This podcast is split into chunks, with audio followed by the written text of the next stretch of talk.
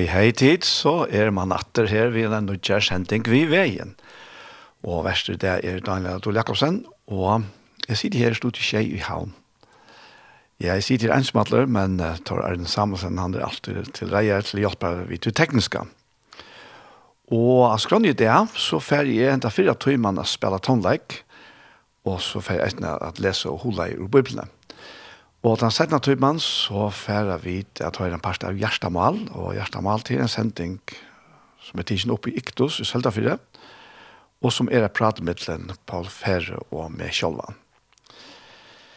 Det er det som er av skrånne, kanskje det er for omkran, eller kanskje nok så negv, jo er synder kjent, det er nok så vanlig skra her, mye det, og det er det, men hvor er det av det nødvendig? Det er det nødvendig av det.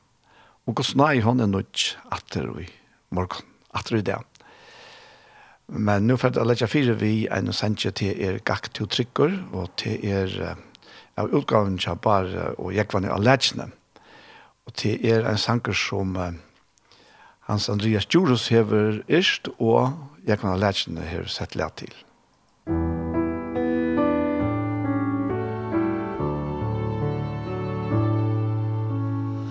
Gak tu tryggur Fram vi gauon treste Adler ljósir Ånglar fylgja tær.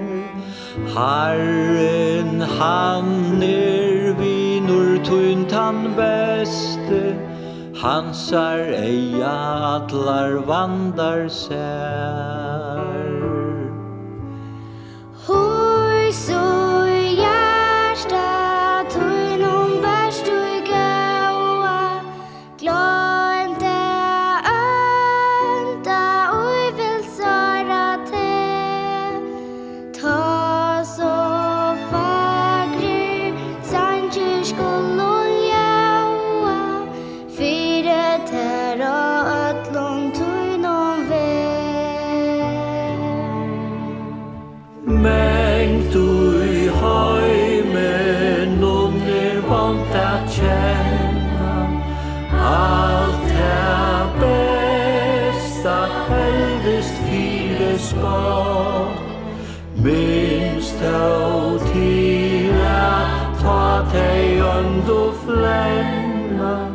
skalt du halda hjärsta brønt og gått.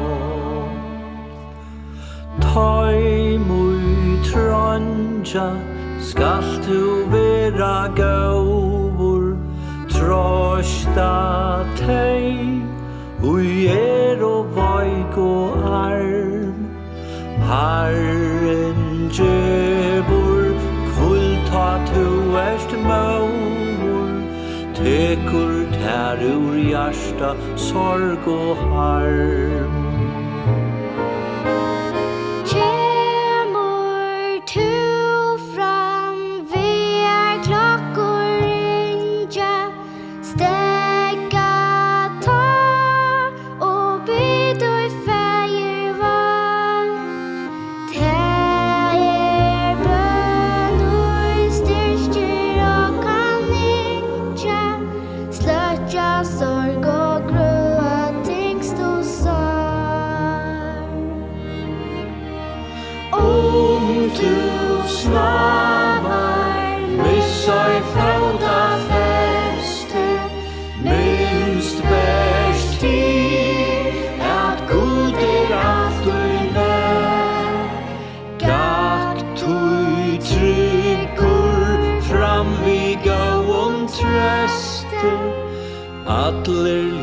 Gudsir anglar fylgja tær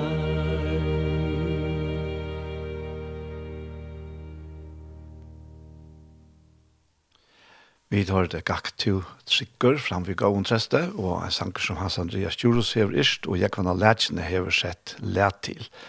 Og vi tar det sjåan Jekvanna Eisen Sintje her. Og jeg hadde, man kan si at hesten sangren etter hånden er blivet til folkeogden her i Farjon, Og ja, til et her. Vi færer vågjere, vi færer til Hillsong Worship, og til er sangren Still, etla Hate Me Now.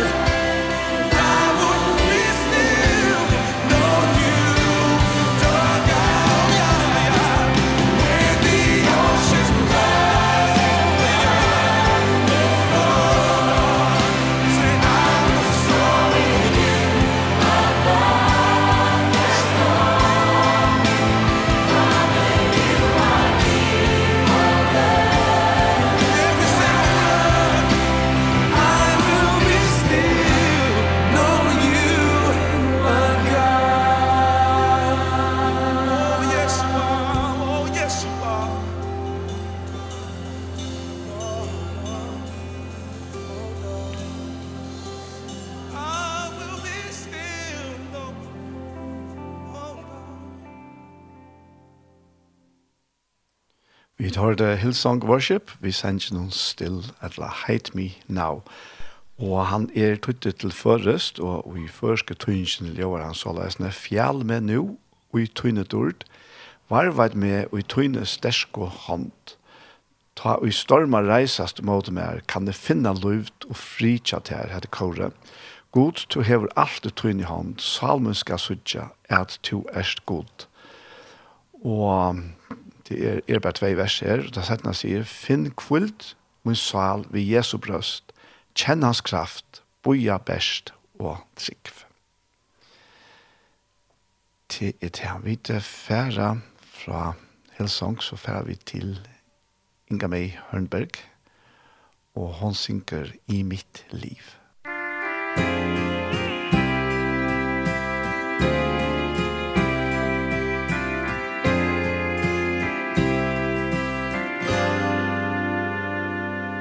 har med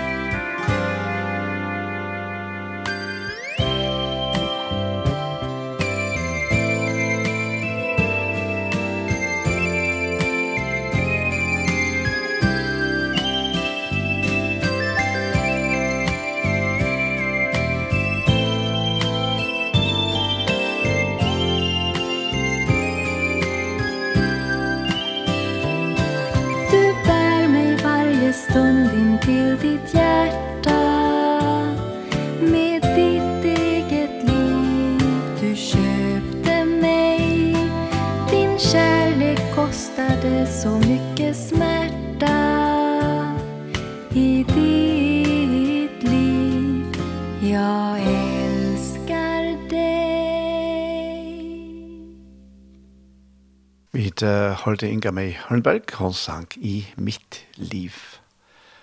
Og Arne er ferdig at lese og hulaja, så ferdig vi til høyre sangkare i Ebenezer, og til er sangren til Petro Haberg, Herre Hirskarana, og til er Jens Godsen som eier leie. Herre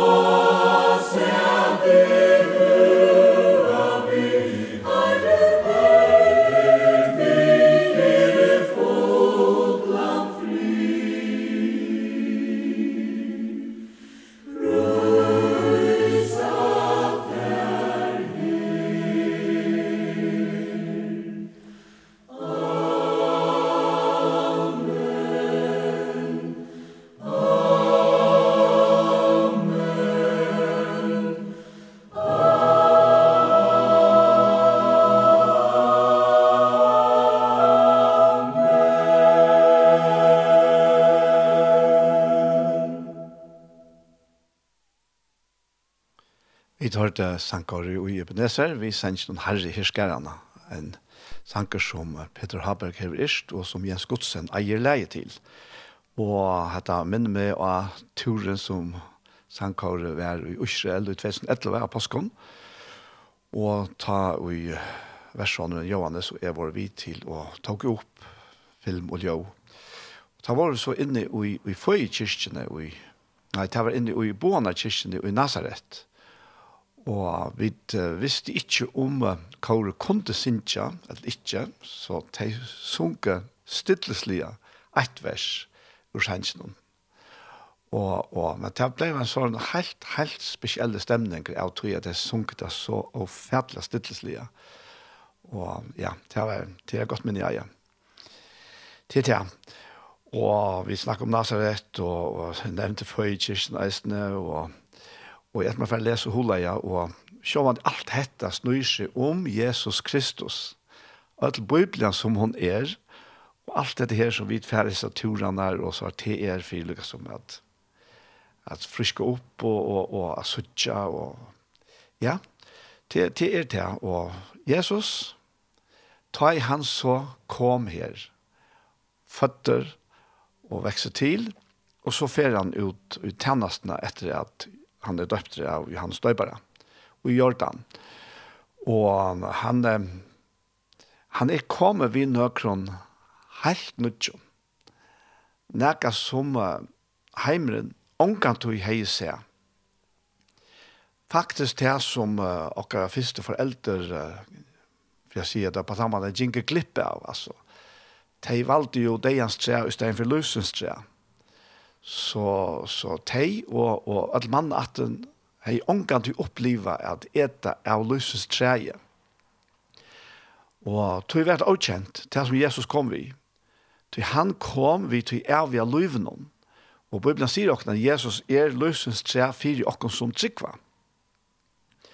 Og han kommer inn i uh, henne her uh, skapta naturlige heimen og som uh, fungerer Ja, for så vidt, så er det ikke så stor måneder av heimen og det, å ta for 2000 år siden. Altså, de basale tørvene er akkurat det samme. Vi må hava føje, og vi må drekke, vi må hava vete.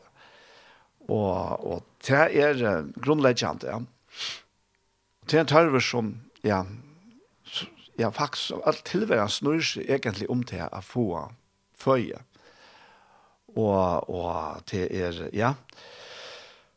Og hette kommer så Jesus til inn og i, og han røyner så av imskan hatt vi å bruke den naturlige tørven til å vise at han antallige tørven.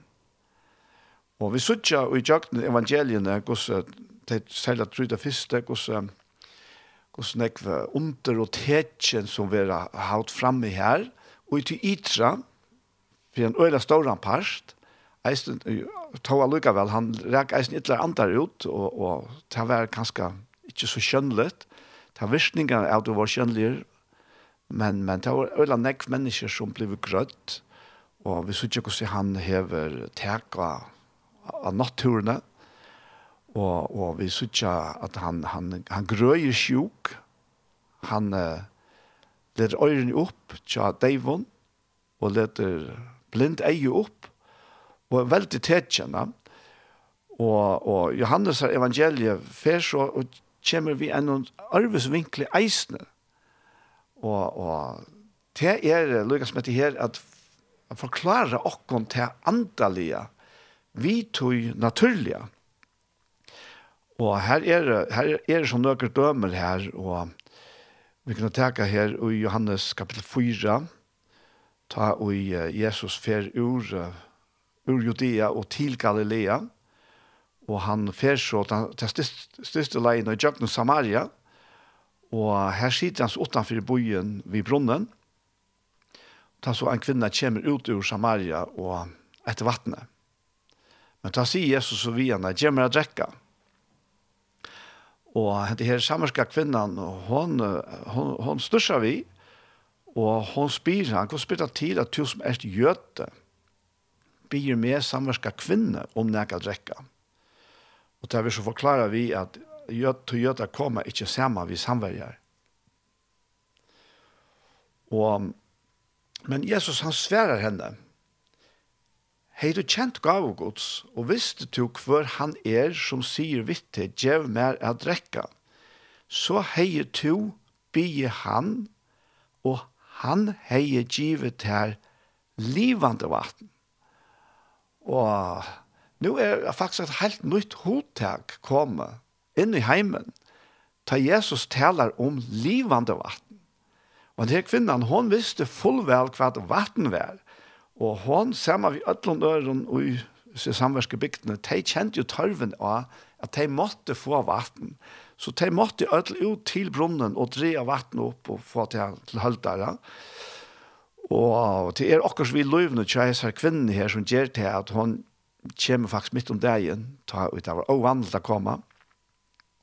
Men Jesus bruker eisen til, til at vysen av munnen og i middelen til vanlige vattnet som vi alle må drekke, så langt vi er her i hjørnet, og så til livende vattnet som han er kommet vi, og som er til verlige løyve. Og, og så sier eller Jesus svärar henne og sier vi henne att hej to kjent gav och gods. Og visste to hver han är som sier vitt til djevmer å räcka. Så hej to bi han og han hei givet her livande vatten. Og dette her er faktisk rettelig avhåverst. Du faktisk så ligger det uges ned at ja, men mennesker hadde det veldig kjent gavegods og visste hver han er som, som gjør etter ja, men så hadde mennesker bi Jesus og finne livande vatten fra hånden. Finne av et liv fra hånden. Og, og her er, her er det Søgjane Jesus vær her, og søgjane han, han fullførte verset av krossen og reis opphatter og får, og sendte hele andan, så hever, så hever ikke alt være fullkommer rundan om alt det her. Han sier lov, ja, det er fullkommet. Båskapen om han er fullkommet, han som Bibelen gjør dere. Men eh, det religiøse tørveren til mennesken. Han røyner å finne svære på så alle møvelige, merkelige måter. Og eisne vit som sier vi det tryggvande, har øyelig ofte givet et øyelig diffust og ogreit svær på et her, Så at mennesker, de kommer ikke å kjenne gavegods som i verlagen er Jesus selv. Da. Og, og tog, tog er de, altså, tog de skeptisk og forsiktig og, og avvisende ganske eisende. Men hei du kjent gavgås. Og hvis du hver han er som sier vitt det gjør meg drekka, så hei du bi han, og han hei givet her livande vatten. Og kvinnan, hon er så enn her at hon, hon relaterar bara till det naturliga vattnet. Kvinnan säger vi Jesus att Herre, du hever ikke drevet opp vatten vi, og brunnen er djuper. Kveane hever til å ta hit livande vattnet. Mans to vera større enn Jakob feir okkara som hever giv okkom brunnen, og sjálfur drutsi ur honom. Han og siner hansara og krujatur hansara. Jesus sverar henne at kvart han drekker av heso vattnet skal tyste atter, men han drekker av vattnet og er djev i honom skal ikkje tysta og i atler ever. Nei, vattnet og er djev i honom skal vera og i honom kjelta av vattnet som springer opp til evet luiv. Og, og kvinnan, hon skiler framvis ikkje. Og hon, hon, hon, Hon sier vi han her at, ja, men herre, gjør meg etter vatten, så er tyst de ikke kan slippe fra å komme her etter vattnet. Og, men Jesus, han, han gjør et der som, ja, hvis det ikke var han, hvis det var nærkere annar, så var det omedelig ytla tidsi opp, tog hva gjør han? Jo, han peikar beint inn og og inn ui liv hennara. Hennara, hennara, ja, hennara, liv så som det er her til, altså, inntil hun kommer til Jesus. Han. Og hvordan gjør han til? Jo, han sier vi henne, færre sted og råpa mantøyen, og kom så her. Og kvinna sverer, jeg har unga mann. Og tar det Jesus faktisk avdugar henne, og til tog jeg sier at hvis det ikke var Jesus som sier til her, så er det ytla tid opp. Men det virker jeg, tog bedre rett, tog det var Jesus. Jesus sier vi henne, vel måste du sige, i hevnga mann, tog du har fem menn, og han ut til hever nu, er ikke med overtøyen. Her sier du satt. Og ta sier kvinnan, herre, jeg sutje at du erst profeter. Og nå er egene leten opp. Så nå viser han av virkskiftet i henne av livet, som har vi en annan tørve å gjøre enn den naturlige tørve som vi alle har etter vattnet. Vandet, kranavatten, som det er ikke åkken i det. Og, han, og Jesus viser en øyla klart og tydelig av det her. Og han vet det, at ønsken, at han har ångan møvleg, at, som er vanlig menneske, er vite om henne er liv. Tøy, tøy, vi, vi i skiftene tar var jo helt ærvis enn det, Det var ikke som et internett, eller Facebook, eller noe annet hver det kom til sies fra og slætrast om. Så hun visste det at han vet ikke om dette. Og allikevel så forteller han meg alt mitt liv. Og hun sier, herre, jeg synes ikke at du er profeter. Da.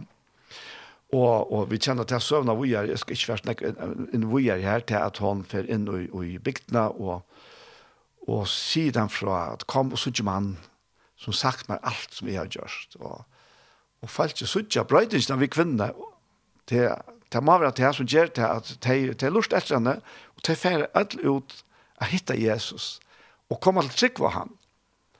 Begge kanskje av det som kvinnerne har sagt, men at enda tog det sjølve, nu kommer det sjølve til Jesus. Og til her ut av likkere. Vi er så mange som kunne sija fra om Jesus, men tog støva ikke at det som lustar er at det virker ikke for en to sjølv, eller sjølver, slipper å kjenne Jesus, kommer å kjenne seg gav og gods, og hette er livande vatten, hette er avgjør løyve, som ikke er noe som ligger framfor, men som blir en kjelte av vattnet som springer opp til av et løyv innan og jokken. Men uh, vi tar færa til satte kapittel, her er det ikke vatten, men her er det brei. Og vi kjenner vel søvna, ta Jesus mettar seg her 5000, omframt kvinner og bøden. Og um, Jesus hever, hever spørst lærersveinene her, hver man skal fære kjepa brei, ja. Og tar her tveint at den er til verre, verre, verre enn så nok til alt dette falskjera. Men så kan du lese her fra vers 9 at her er en smatranker som har fem byggbrei og tvær små fiskar. Men kvært er tær til så mong. Men Jesus, han er ikke råleser. Han vet hva han får gjøre. Så han bidrar til at folk sittes nyer, og, og, og det setter seg så nyer akkurat om 5.000 i tallet, og æres det stender at det var så omframt kvinner og bøden. Og så tok Jesus breiene, takka jeg og bytte ut til her og så til her, somles av fisken så mye som de ville hava, og teit det vår mekt, sier han vil lære seg når skjønner, sjavne sammen bitene av leipa, så ønske spittles borster, der sjavne ta sammen og fylte tølv kurvar ved biten av henne fem byggbreinene, avlåpet fra teimen og i etihøtte. Og dette er jo purast, purast åhørst dette her. At, at så lite kunne metta så negv fem byggbrei, og det er smadrong som hevet, så aller helst det var kanskje fem bollar, og tvær luttele fiskar. Hette har vært berakna til hansara, og kanskje omkran at Men her er altså flere, flere tusen folk, og det ble så rydselig mett, og det leip så nekve av at det samlet opp i tolv talvkurva. Og hva så er reaksjonen så ikke falsk nå? Jo, det er lyst øyla nekve tog ikke, faktisk akkurat det samme, som ikke kvinner i Sikarsbrunn, Ta i nu falske sa tekne, og han gjør det, søtte teg, visselige er hesen profeteren vi koma skal i heimen. Og så kom vi så Fær sin langt nye her, til at, ja, med middelen her, så ligger det, eller at han her, så ligger det til at, at folk, de ville gjøre Jesus til kong, og, og var det ikke det han kom til, at være konger, Jo, men ikke bare som en vanlig konger som, som, som styr ut i naturlige. Nei, han er konger i sin egna rydtje, og i Guds rydtje. Og det skilte de ikke ta, og de atle gjør han til en forsyrtjere kong, en kong som kunne syrtja fire at de alltid fikk noe etter. Men Jesus rymte fra dem, og Og, og han får så, han sendte lærersvenner først i rom, og her ligger en, en øyla stuttlig, eller spennende søva i midtelen her, eisne, at det som jeg alltid må få lese nå etter. Og så tar Jesus, han sendte lærersvennerne av sted, og, og, og selv så fer han bare til fjalls, og, og medan her er midt av vattnet, så kommer Jesus og ganger han til der, og tar tar han inn i vatten, og tar færre i rom, og Og så stender det her at uh, ta i falskje nå sa at Jesus var ikke her. At nå var han, var han ikke her som de var. Og lærersvenner hans er heller ikke. For de eisne sjolv i badene og komme til Kapernaum og leite etter Jesus. Og da det hittet han hinne med i vattnet, så til vi han. Rabbi, nær er to kommet her? Og til diskusjonen for Jesus slett ikke noe, eller forklaringene, men han sverre til ham, Sannelig, sannelig sier til henne, tid søker meg ikke tog til sautetjen, men tog til åte av breinon og våre mekt. Så selv om de var kommet til så konklusjonen at dette var visselige profeter som var kommet i heimen, så skilte de heller ikke enn hva det var og Jesus taler om. De kom ikke så beinleis til Jesus på samme måte som kvinner ved sikkerhetsbroden som faktisk gav sitt liv til Jesus og tog imot hans her liv. Og, og så han sverer Taimon, hvis det er en fire sverer på når han kommer. Ja, det, det, det leser jeg, men jeg skal lese videre her. Han, han held så av fram her og sier, arbeid ikke for maten som for fest, men for maten og værer til evet liv, tann som menneskja sonren skal djeva tikkon. Mm Ty han hever feiren god sjálfur innsikla.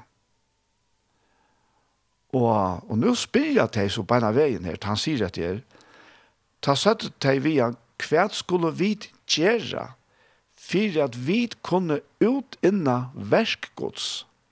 Det er jo det kom her til at de skiljer til at Jesus taler om feiren og til altså god i himmelen og, og de kjenner jo søv i Israels, og de kommer så fram og i seg her samtalen som han har vet deg. Og han sverar oppå at her, og det er en fanta et fantastisk svær. Til hese spurningeren, han ligger faktisk ui okken ødlen. Hva skal vi gjøre for at vi kunne gjøre godt nøktan vi okken? Altså, hva, hva er det her? Og faktisk, ut fra tog spurningen Det er faktisk alle heimsens religioner som, som ganger ut fra tog spurningen. Men det er bare en som er svære. Og det er til, til Jesus og det som han sværer her. Og han sværer dem hva er verskots. Hette verskots er at tid trikva at han og han hever sendt. Og det er altså Jesus sjølvan. Og nå er alt dette her struje og streve som religionen legger åkom. Hon var fullkomlig at tidsen borster og i sånn enkla sværen hon. Og hette det eneste så vi kunne gjøre fire at ut innan verskots og det er at trykva av han og han er kjent. Og det er så verskots. Men det er, det er ikke nok der og, og Og der sier vi igjen, hva tegjen gjerst du ta, så vi kunne suttja til og trykva til. Ja, men det er jo akkurat seg tegjen. Og så er det spørning, det er at du vender en spørning, hva arbeid gjerst du? Og så forklarer vi her at her, at fedrar okkar av de manna og i øyemørskene som skriver er, han gav dem en brei av himle at eta. Da sverre Jesus dem, og etter øyla provokerande, fire, fire sier jødsk falsen er at sannelig, sannelig sier til henne, Moses er ikke givet til henne brei av himmelen, men feir må en gjeve til henne sanna brei av himmelen. Tu brei gods er til at vi kommer nyer av himmelen og gjever heimen og lov. Og nå er alt det her samme reaksjonen til kvinn som til kvinner ved Sigersbrunn. Ta søttar vi han, Herre, gjev okken alltid til at breie og og og tær tær tær skilja tær skilja framvis ikkje at det er at det er det antallet han talar om. Han. Og nekker at de, de aller fleste kommer til helt til å skilja det, ikke er sånn omfæren gosser. Men uh, Jesus sier at han, er er brei løsens, han og jeg kommer til moin, skal ikkje hunkra, og han og tror av meg skal aldri tysta. Og her taler Jesus om den innere tarven, som hvert eneste eit menneske hever. Den innere tarven. Og hette moneren eist av mittlen, mittlen okkon, menneske, og så alt, alt det som hever, alt andre livande vesen av hjørne. At alt kreatur, altså, de har tarv av, av føje, men de kjenner ikke denne her tarven av, til den innere langselen.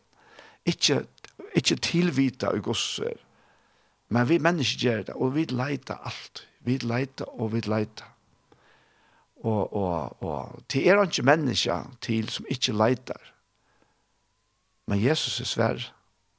Han er breie som er kommet ned av himmelen for å gjøre heimen og lov, og han er han som er gjør til at vi ikke hunkrer og ikke tyster atter, og vi okkar innere.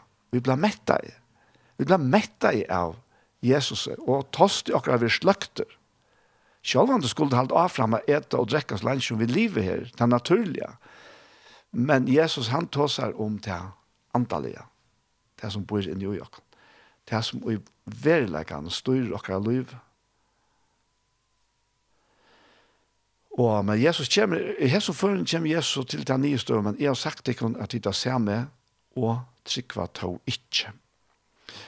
Og her, vi kan lepa sin om her, er sånn, øyla lenk, en av de langs kapitlen i Nuttja testamentet til er, er Johannes kapitel 6. Ta knarra av gjøtan om han, tog han sier, er er breie som er kommet nir av himmelen, ta er sånn at er hesen ikke Jesus, sånn Josef, kjenner vi ikke feir og mor hans, herre, Hvordan kan han da sige er kom av himmelen? Jesus sverre at han knarra ikke til kramitlen, Ønsken kan komme til moen, utan feiren som sender meg drever han, og jeg skal reise han opp sørste det.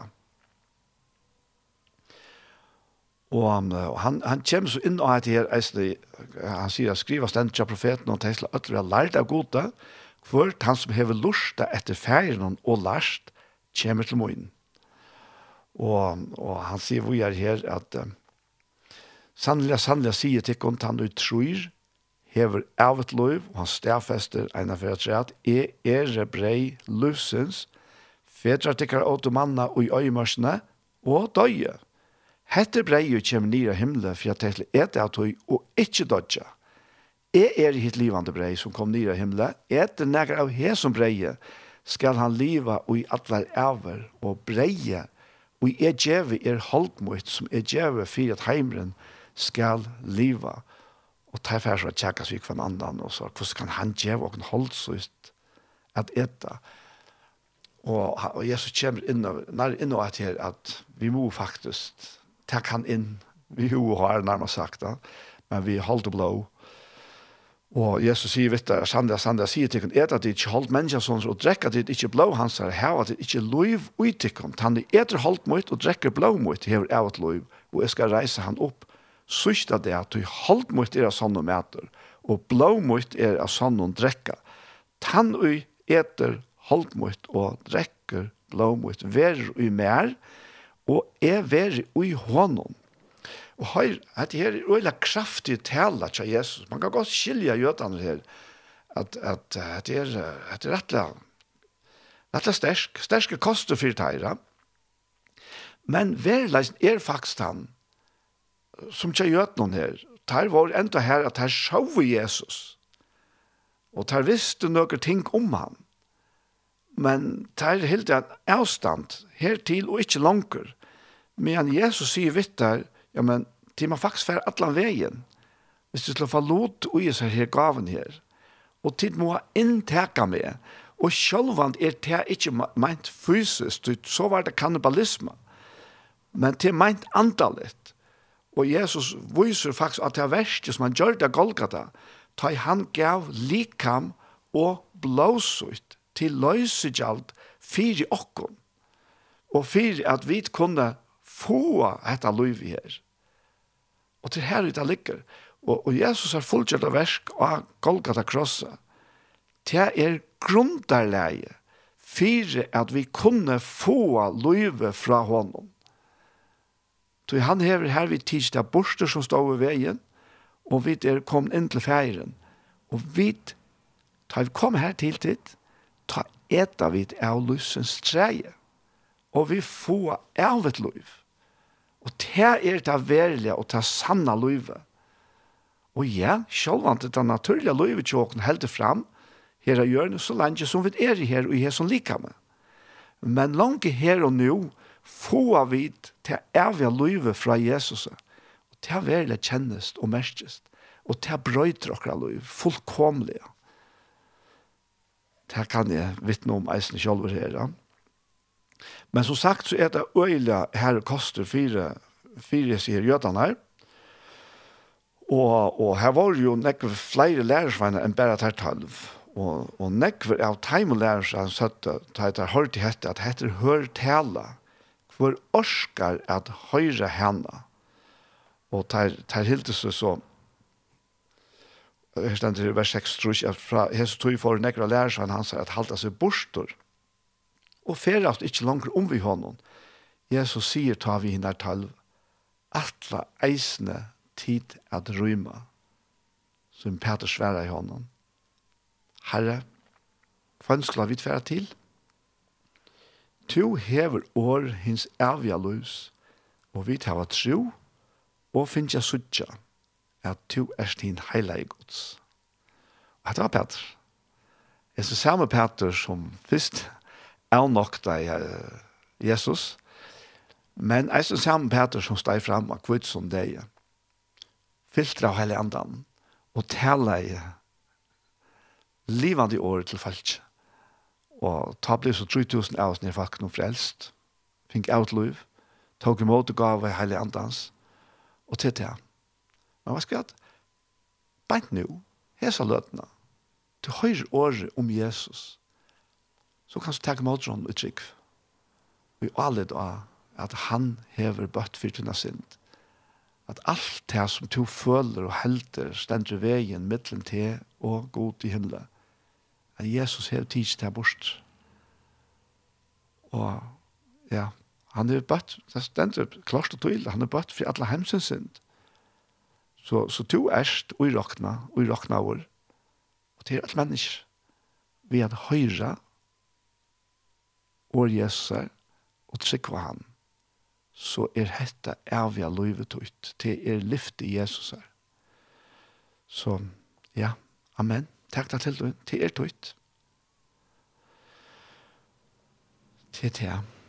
Vi tverra, for høyre og samsen er. Han synker Jesus er livet for meg.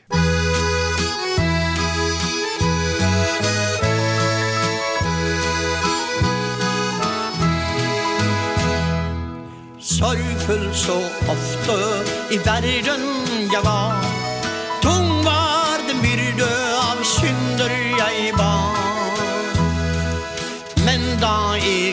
jeg ved korset falt ned Fyllt oss mitt hjerte med fred. Jesus er livet for meg. Lyset han er på min vei. Alt jeg behøver, det har jeg i han Jesus er livet for meg. Fattig jeg er Men dog rik i min Gud Aktet for lite Självkomlig brud Miskänt av mange Dog salig jeg er Snart hjem til Jesus det bær Jesus er livet for meg. Lyset han er på min vei Alt jeg behøver det har jeg i han Jesus er livet for meg. Snart er det glemt Hva på jorden jeg var. Glemt er den hån Som for Jesus jeg bar. Og når som brud Jeg til himmelen går inn Jesus for evig er min.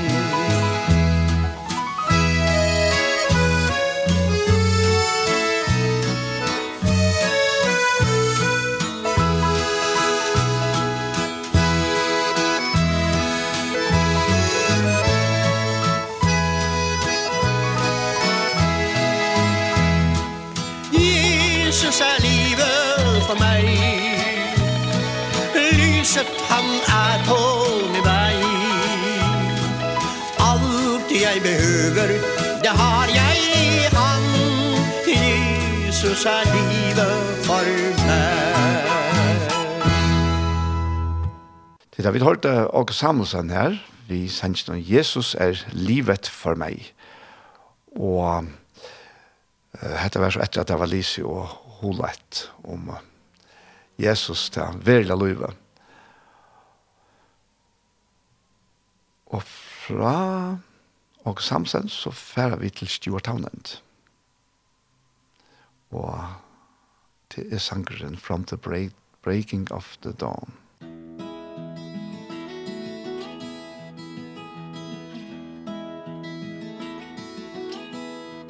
From the breaking of the dawn To the setting of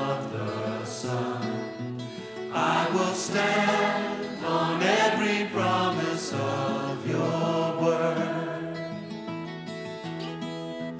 Words of power strong to say That will never pass away. I will stand on every promise of your word. For your good shore and on this I am secure. I can stand on every promise of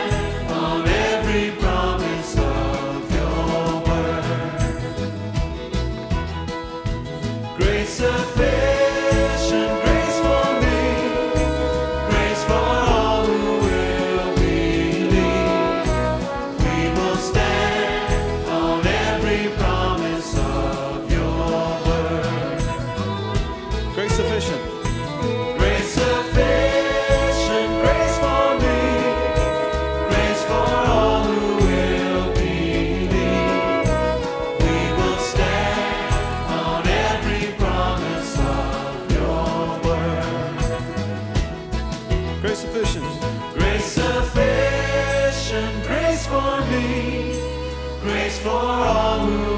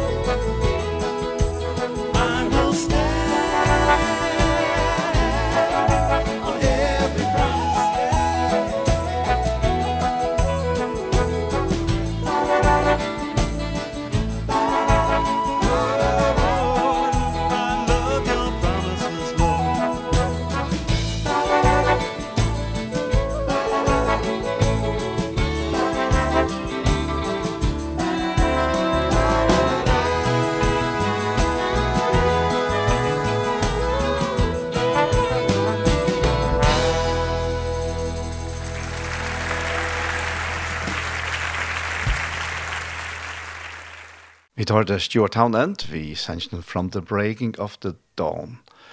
Og han er, så vidt jeg vet, ikke tøytet til først, men helt en standande god sjank, så jeg tror det var lykke for i jøkken han her. Og, og her, han sier at fra løsning til solseter, så ikke er at standa av lyften og utunn år, at hverjon lyft utunn år, og at styrke sterk til at frelsa og ta viker omkant og borster. Jeg vil standa ak fyrjon lyfte ut hundan. Tøy tøyn sottmali er trikkur, og i hesun er jeg vissur, jeg kan standa ak fyrjon lyfte ut hundan året. Og anna verset sier, ta jeg snave og jeg sinte, og fordøming herjar av, vil jeg standa av kvarjon lyfte ut hundan åre. Tu er trofaster av fyrirgjeva, til er, og tog fralses for at jeg i fralse kan liva, så jeg stande av hver lyfte ut i noen året. Skuld vil enda til sækløse. To minnes ikke synder langs, så jeg vil standa av kvarjon lyfte og i noen åre. Ta jeg standa i vi fire øyelig om vele, så vil jeg lusta etter tøyne rødt. Og jeg vil standa av kvarjon lyfte i noen åre. Jøgden hetta myskre og hetta her torføra landsleie, så leier til meg vi tog inn i hånd, som er standi av hverjon lyfte ui tog inn åre. Og to hever lova a fullføra eit og kvart versk som to erst byrja vår ui med her, så jeg vil standa av hverjon lyfte ui tog inn året. At det er så tria vers i les her, og fjora, og, og sista verset sier, Vån som lytte meg opp om alt vånløse. Kærleidje som reker atlan øtta ut, som er stande av hverjon lyfti ui tøynun åra. Ikki etterlaten, ikki ensomadler, tøy trøstaren er komin, og er standi av hverjon lyfti ui tøynun åra. er nå mykje, nøye fyrir meg, er fyrir ødel som vilja trykva. Vit vilja standa av hverjon lyfti ui tøynun åra en fantastisk sang, det må man bare si. Og i atle jeg teka en sang av tredje her, og det er, det er Alex Bensen. Og her vi fer iver til Gjerstamal, og det er sangren Mennesker Bosteier, og i fære er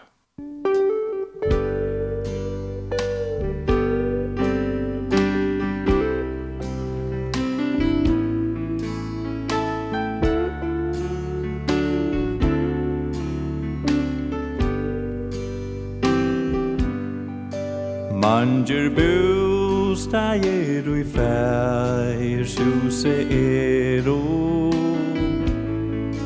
Vært ha ikkje så han heie Sagt med til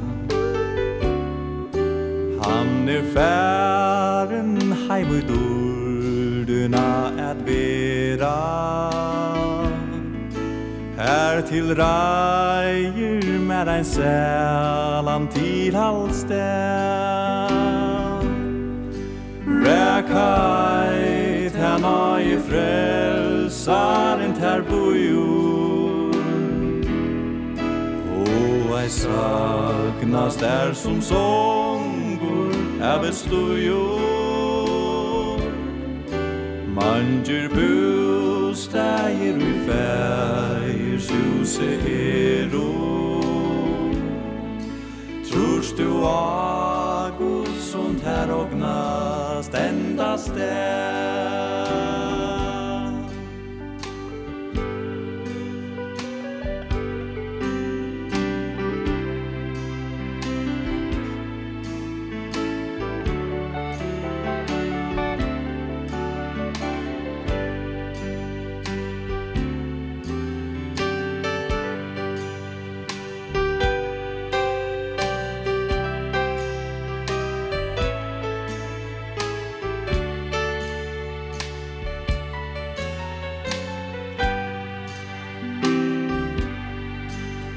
Jesus døye under møyne sind og sorgo.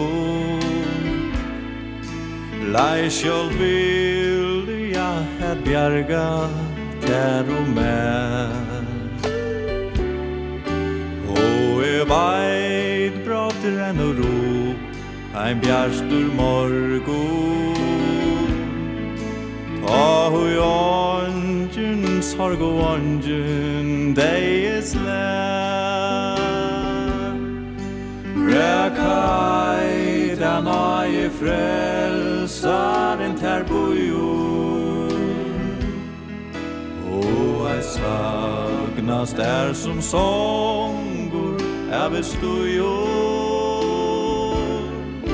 Manjur bustægir ui fægir sjusir ui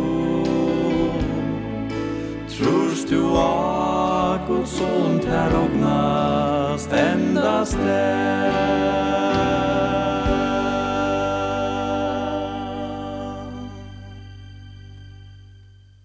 Vi tar til Alex Bergensen, vi sender som mennesker bosteier i Fægers hus er. Og vi er så kommet til enden av oss fyrre parten, og vi sender ikke vi veien, og vi færre, og vi holder vi hjem den settende parten som er hjertemål. Og jeg må bare lukke av å si her, altså, jeg har jo nevnt flere ferien her, jeg har nesten hver jeg kjent, at, at Tor Arne er til hjelper vidt det tekniske.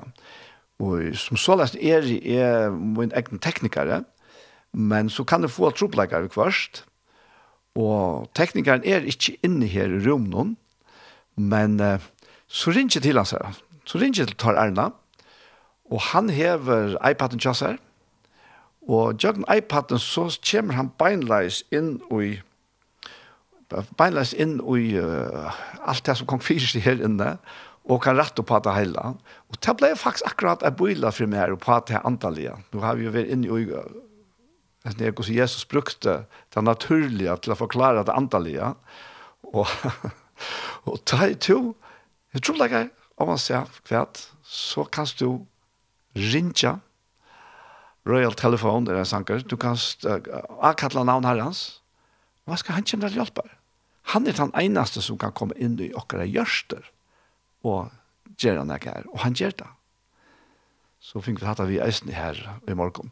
Men nå er det som sagt kommet til Gjerstamal, og Gjerstamal er um, en sending som er tidsen opp til Iktus, og det er... Um, i Søltafire, og til Anja Hansen, som tek seg av til tekniske her ved opptøk og redigering.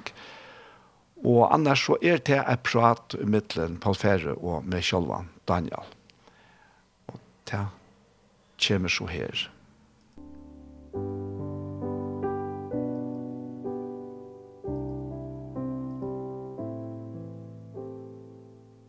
Hei dit, så er vi atter her ved en nødvendig parste av Gjerstamal.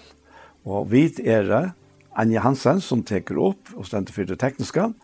Og så er det Paul Fære, og så er det jeg selv, Daniel Adol Jakobsen.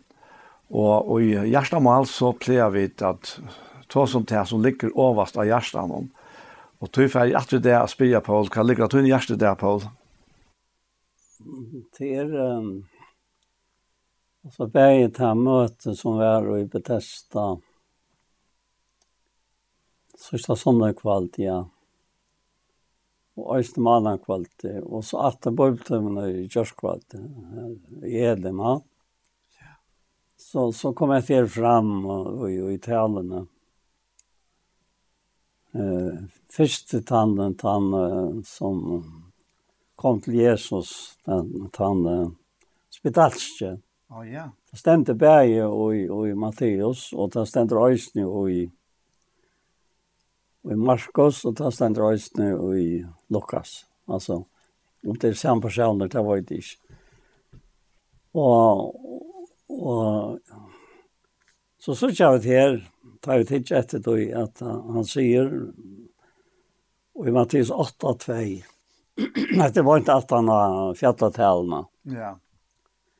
Ja, nu kom, nu kom en spedalskor fatt nye for honom og sier, Herre, vilt du? så kanst du gjøre med røyna. Og så tre vers. Ta rett igjen ut hånden han vi han og sier, jeg vil vi røyner. Og vi tar samme hver han røysa av fra så og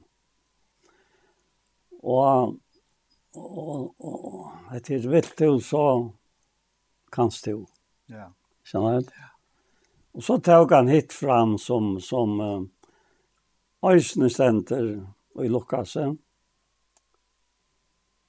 Og Nei, det stender i Mattias 16, 4. Ta på et lår og sier vi Jesus, Herre, her er okkur godt av vera. Vil du, så skal jeg. Mm. Gjera trutja bosteg, tæra øyn, Moses øyn og Lians øyn. Mm Och så ständer var inte att han med han, han säger detta. Alltså Arren, han var livra sedan. Så kom rett att av himmelen och säger Hesen är sonen i elsker jeg, høyre i han. Med han, han säger detta, så skal det. Ja. Och, och, och tar jag Magnus som heter framme. Och han taler så om at her, månen är vittlen, til, så kan stå gjøre med røgnene, og det var vi til samme. Og så ble han røgner.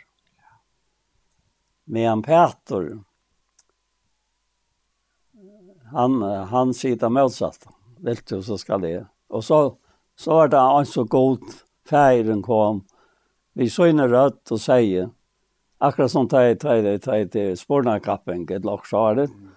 Og så er det klinket at det er rettsvær, og Og så tar det ikke rett svær, så er det så bromma høyre. Ja, ja, nettopp. Sånn ja, ja. Og så sier han at beina veien og i fjæren god hardt i et her, så, så smekker han til. Mm. Og sier, hesen er sånn om hun elsker jeg, høyre han. Ja. Og ta ta jag har haft frågor en om om vi vet att du börjar med mannen kvalitet. Og ta var da i samband vi, vi Teen Street, vi, i tabla bygge, og så ble det bygge for Sarepta. Og, og, og han skal så være løyer Sarepta i år, og så får han opp og sier, jeg får ikke ta som Sarepta, jeg får ta som och så, och så med oj oj hur som boskapet tar kan ta fram som ständer salmonorna. Bidger her en huset så arbetar til anki som ja. bidger äter. Og, Og vær herren ikke, ikke sant? Alltså, ja, så, så, så vær han til åndsje som, som heldte vakt. Da. Ja, nettopp, ja. Nærka så Ja. Og det ble nærka ive møtene som, som man kjente at det her, hva Jesus vilte vi oss ned. Ta han øsne i Johannes 13. Han nevnte ikke Johannes 13, men han, at eh, Hæve nu er herre og mastare tykkar av vaska tykkar få fötterna. Mm. Så er jeg øysen tid av vaska for røren om fötterna.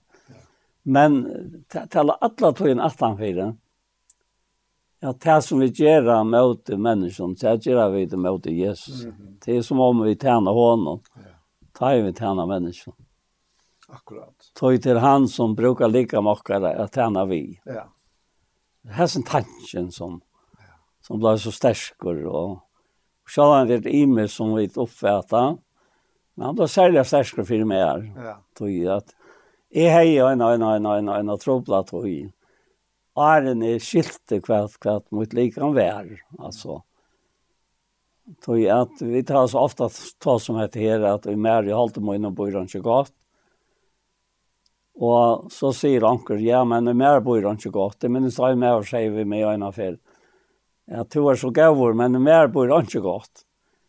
Jeg sier, du måst ikke likva, du tar stender ikke at i mer bor han ikke godt. Mm. Det stender i mer, og i halte munnen ja. bor han ikke godt. Og halte har Jesus sist fire av få aborster. Vi synes det er Golgata krosset. Mm. Så alt det som får deg å kunne komme til hans her, det har vært ikke vekk. Og han stittler seg i middelen god og åkken, så nå er det en fri etgang att komma till han. Komma till god i jöknen Jesus, eller Kristus. Ja, ja, ja. Det var hans tanken här. Ja, som vi alltid är så hothärkande. Ja, ja. Och så och så får han till till Naman här och, fortalt fortalte om Naman tar i han då spedalskor han. Så var det en jente här som drar till Tisha Herfer. Och hon var ur Israel. Ja. Og hon sier vi mætmår skjøyna at hei nam han veri av profeten og i Israel, mm. så hei han ble grøtt. Og alt dette her kongshus her, det var gangt vi av fire røykene fyr, men han får bare til kongen stein fire, til profeten. Og kongen blei pura forskrektor til det som var den kom.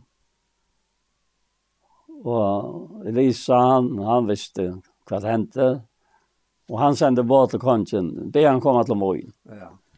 Och så hette det hette det Charleshamma att han sände tjänaren ut till Namman och han bär han färra chefer runt i Jordan och Anne. Så skulle han vara frisk.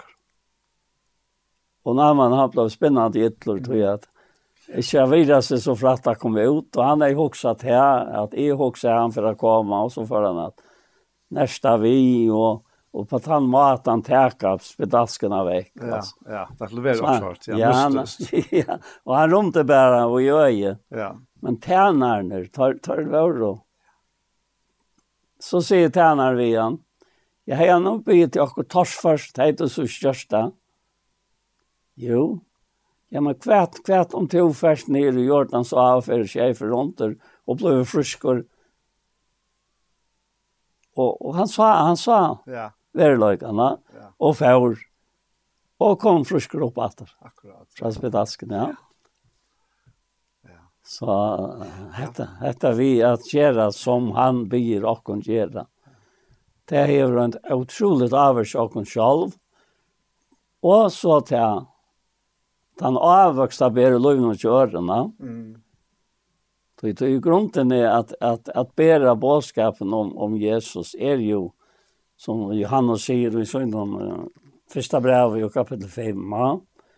Og jeg halte at etter lyser så avmettelig vel det som vi er og hos nage, da han sier at dette er dette er kapittel 5.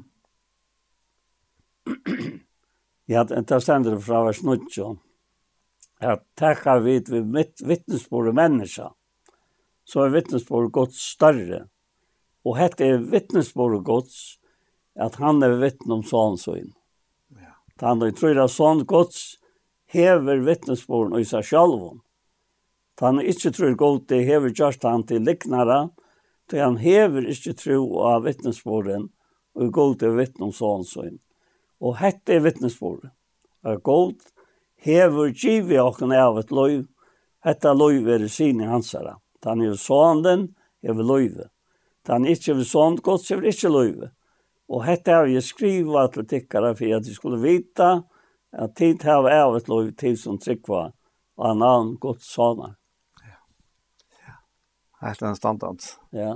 Og til er, jeg husker nå til at du tog oss om at her, hvordan tøtninga mye til er fire okker mennesker, ja.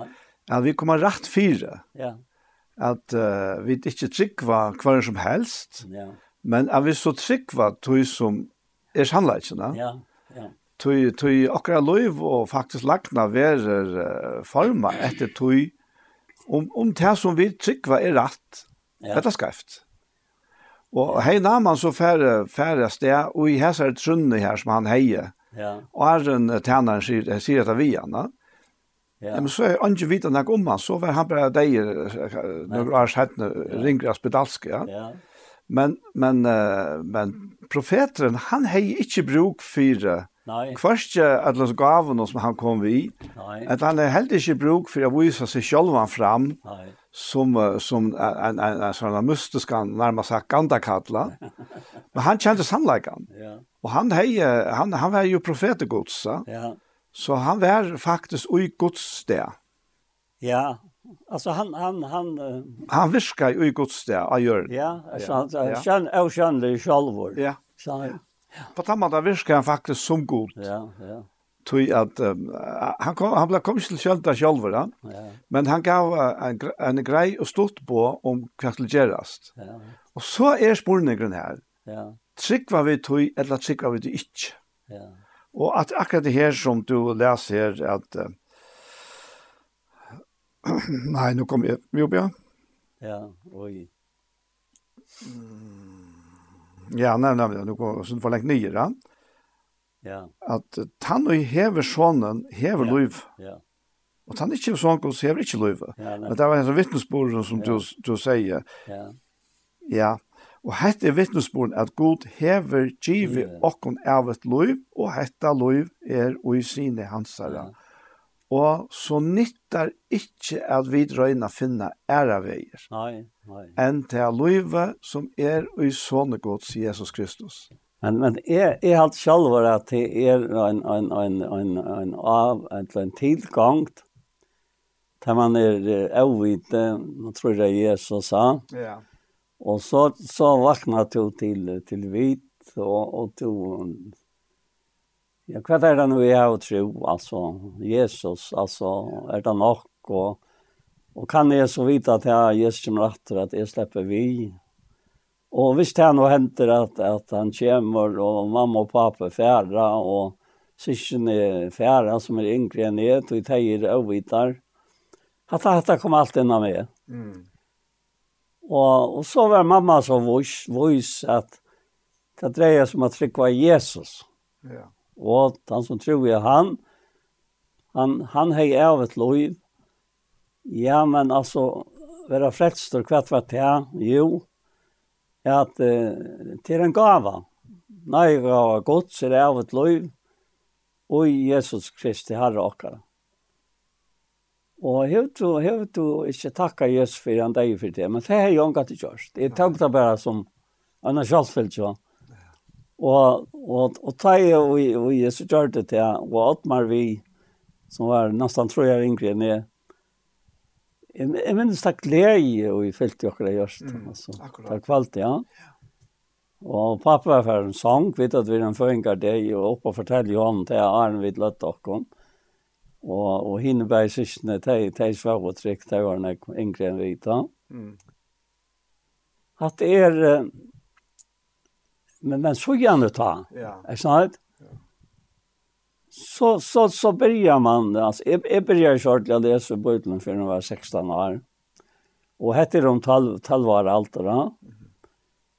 Och ta börjar en näka en, en sån rannsöknar för, för mig. Jag såg här. Att hette här är nog. Ja. Alltså. Ja.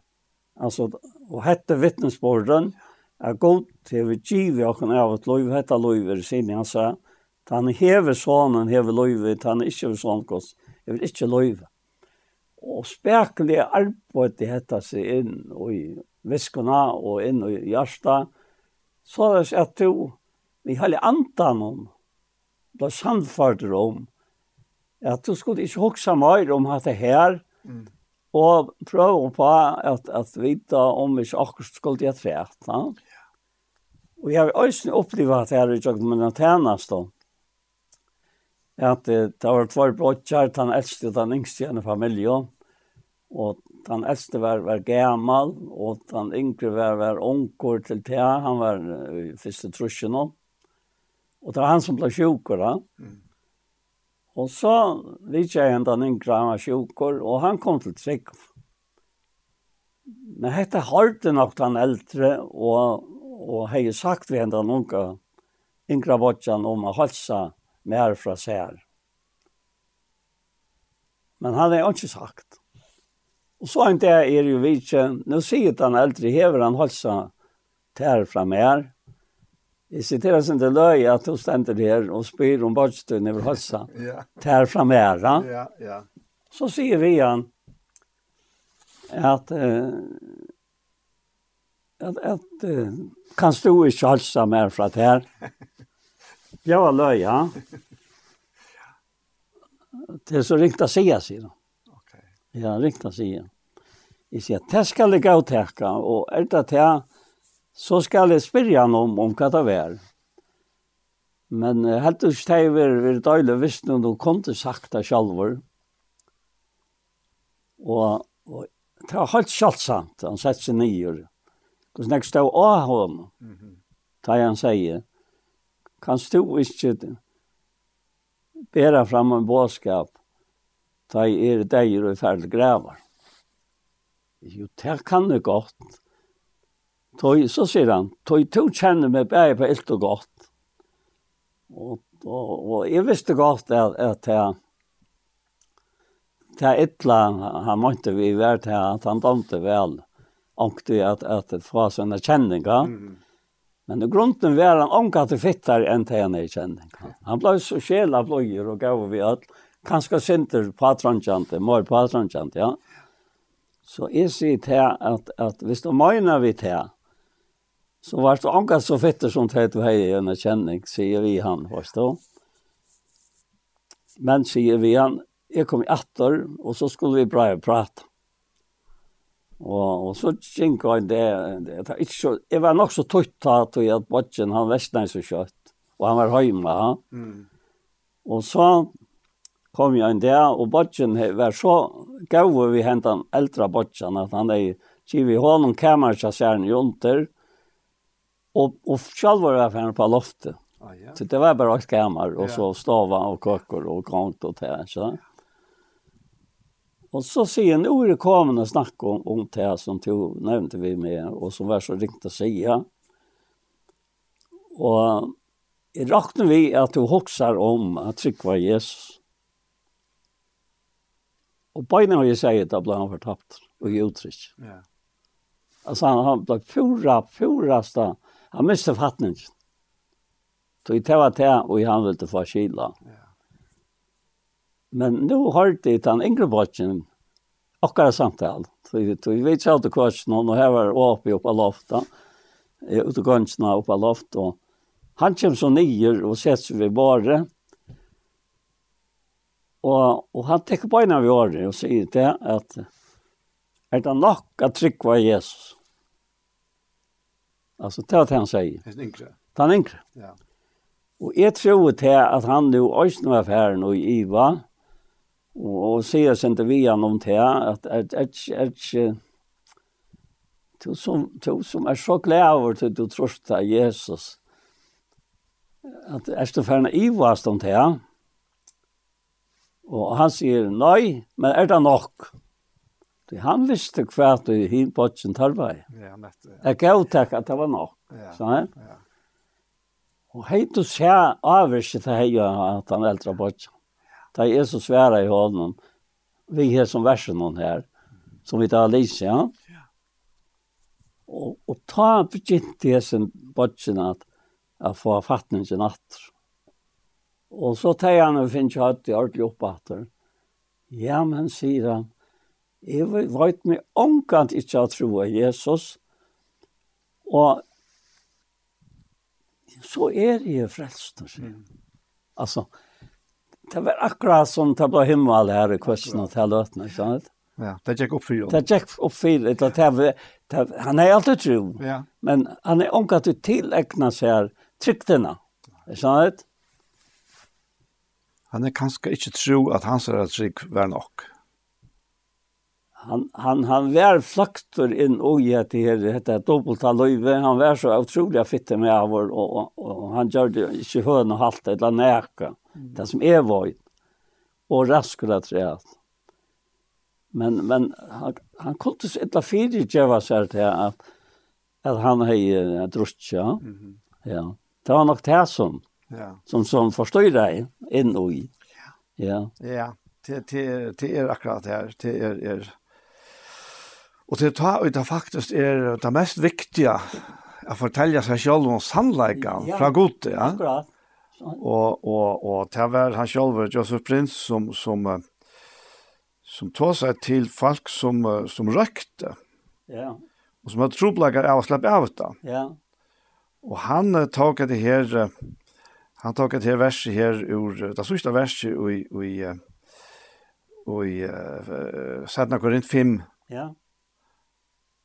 og, og som sier her at han som kjent ikke sint, ja. gjør det han til sint for okken, for at vi til hånden skulle være rettvise gods. Oh, ja. Og så sier han, du tror det er Jesus, men du har en troplegge som du ikke slipper av i. Ja. Vet du hva jeg skal gjøre? Ja. Hvis det er en fyr jeg fordømer til sjølven ta og, og, ta i det røyke. Dette var så konkret ved røyke, Ja. ja så skal du, medan du hever sigaretten i håndene, ja. så skal du sia harsht for deg sjølvan, jeg er Guds rettvise ui Kristi Jesu. og, ja. og, og, han sier, jeg vet, det har vi, det har vi ringt, men gjør det. Ja. Gjør det, ja. jotta hattar her. Ja. Medan du er mitt i tog som du ikke damer at du gjør det. Ja. Og det streimer inn ved vittnesbordet. Ja. Og mennesker som var blitt løst fra ja. tropleggen. Ja. Og er troplegger eisene som, som, som ja. tog at jeg gjort deg ja. gods års sannleika. ja. Og men, hadde, hadde er jo akkurat djevelen, Som, som, han er etter åkken, ja. ta i vidt, er ringas fyr, ja. Og hjelpen egentlig er nærmast, tog hon er, hon er akkurat så nær, i munnen og hjertet tog henne, som, som han sier, ja. Rambrauna. Ja. Jeg gjør det Jesus, ja. ja. Og jeg gjør det til at jeg og Jesus er Guds rettvise. Ja. Og det er ikke vi til å gjøre om det er en kjenning, eller om det er en sigarett, eller også annet. Men løsene ligger ut til at vi gjør det hans versk og i åkkerne. Hade var hadde var fantastisk så du fortalte på. I samband med ett här som som som jag lustade nu så sista mötene och, och bönemöte och så bådskaper och så afton på Bibeln kyrkvalta. Så, så kom jag till framför mig som stämt i, i förra Timotsbrev kapitel 5. Och grunden har vi allt om ett löv, alltså allt det är minnest. Hoxa om hese här verserna. Då han, han säger framan undan her og i vers 21, at jeg vittner for det gode det til 4. Timotsbra 5. Jeg vittner for det gode og Kristi Jesu, at det er dette er det, og hinnom utvalgte øynklom, at du måst akta at ødlom hesen utan fordom, at du ikke gjørst av pastakjensla. Mm. Altså at du grutt en avværing. Ja. Du heter i for det gode, i for Kristi Jesu, og hinnom utvalgte øynklom. Ja at at jo ikke ikke først og og er det parste vi nøkron nøkron og nøkron fare altså som som som om at hette den rette parsten hette den skøyve så sier han vil ikke skjøtra leggen hendrene av nekran og har ikke lov til sinton annara og halte sjølvan røyna sier han vet om Maltius ja. så sier han drekk ikke langer bært vatt Nei, njauta sindra vojne fyrir meg at høyn, og det som javnan bæger til. Og så kommer det til vi sindene. Og, og han altså, sindene tja sommon er åpenbærar, og fer undan til dem, men tja sommon kommer til rettana. Og samme hatt øysene, er øysene den gave versen åpenbær, og de som ikke er det så, vi kunne ta ikke deljast. Og nettopp etter her kom fram fyrir meg og i samband med etter her at uh, til, til øylet hvis man dømer seg sjalvan og tror av Jesus mm.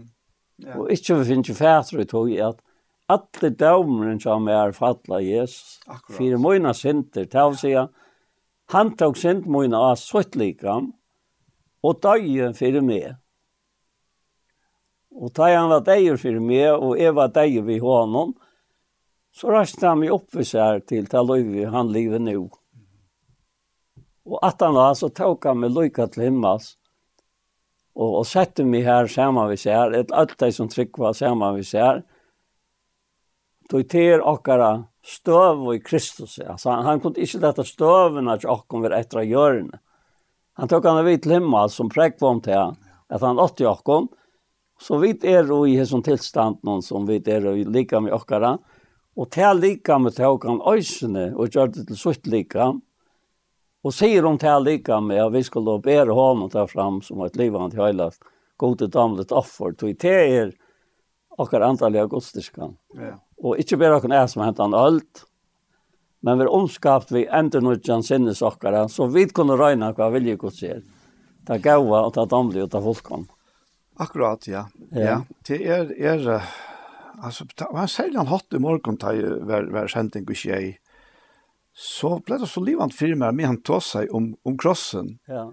Hva er det som händer vi och om tar vi komma ja. till krossen? Ja, det är nettopp det. Ja. Tror att att, at vi är ju och hålls likama. Ja. Det här alt allt problemet ligger, va? Ja. Och till, til dømes pasta känsla, det en pasta av, av, av hålltnorna. Ja. Og alle trobeleisen er ikke akkurat er ui her, men ta ui vit koma til krossen, ja. så færa vi ui jøgnen krossen. Ja. Og ta vi færa jøgnen krossen, ta færa vi ui jøgnen til prosessene hver okkara halslikam vi skåre borster. Ja. Og jeg forklarer det sindri ut fra at vi omskjeringsene, ja. hva det var tekno på. Ja. Det var faktisk tekno på at det gamla må skjeres borster. Ja, nettopp.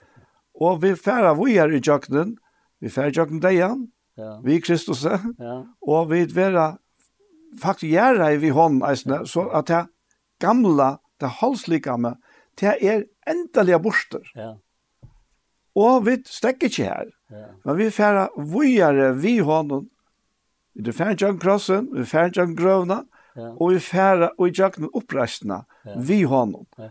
Og til til han ikke vi ein og nødje løyve, og til et nytt løyve. Ja, ja. Og, og så, så tog det nu, var i Glossbrand 2, og her tås han om dopene, kan han forklare til at, ja. at dopen er ja. en grøv som vi er griven i, det gamla løyvetjåk, det gamla ja. menneska, ja. og vi, vi Kristus ja.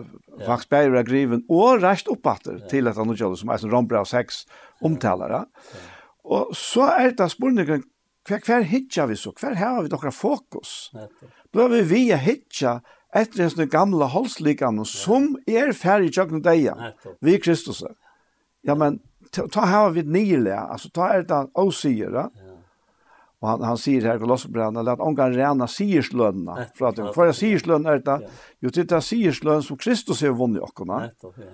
og så ikke lett jokken inn under til fordøming, og jeg vil si, oansett kvært, ja oansett kvært, for at er kom av akkurat lei, så må vi ångan tøy ledje okken bare nesten til å sove under fordøming.